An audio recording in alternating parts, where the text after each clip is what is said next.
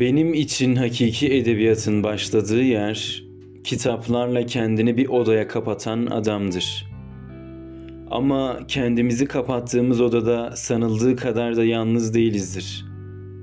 Bize önce başkalarının sözü, başkalarının hikayeleri, başkalarının kitapları, yani gelenek dediğimiz şey eşlik eder.'' Edebiyatın insanoğlunun kendini anlamak için yarattığı en değerli birikim olduğuna inanıyorum. İnsan toplulukları, kabileler, milletler edebiyatlarını önemsedikleri, yazarlarına kulak verdikleri ölçüde zekileşir, zenginleşir ve yükselirler. Ve hepimizin bildiği gibi kitap yakmalar, yazarları aşağılamalar, milletler için karanlık ve akılsız zamanların habercisidir.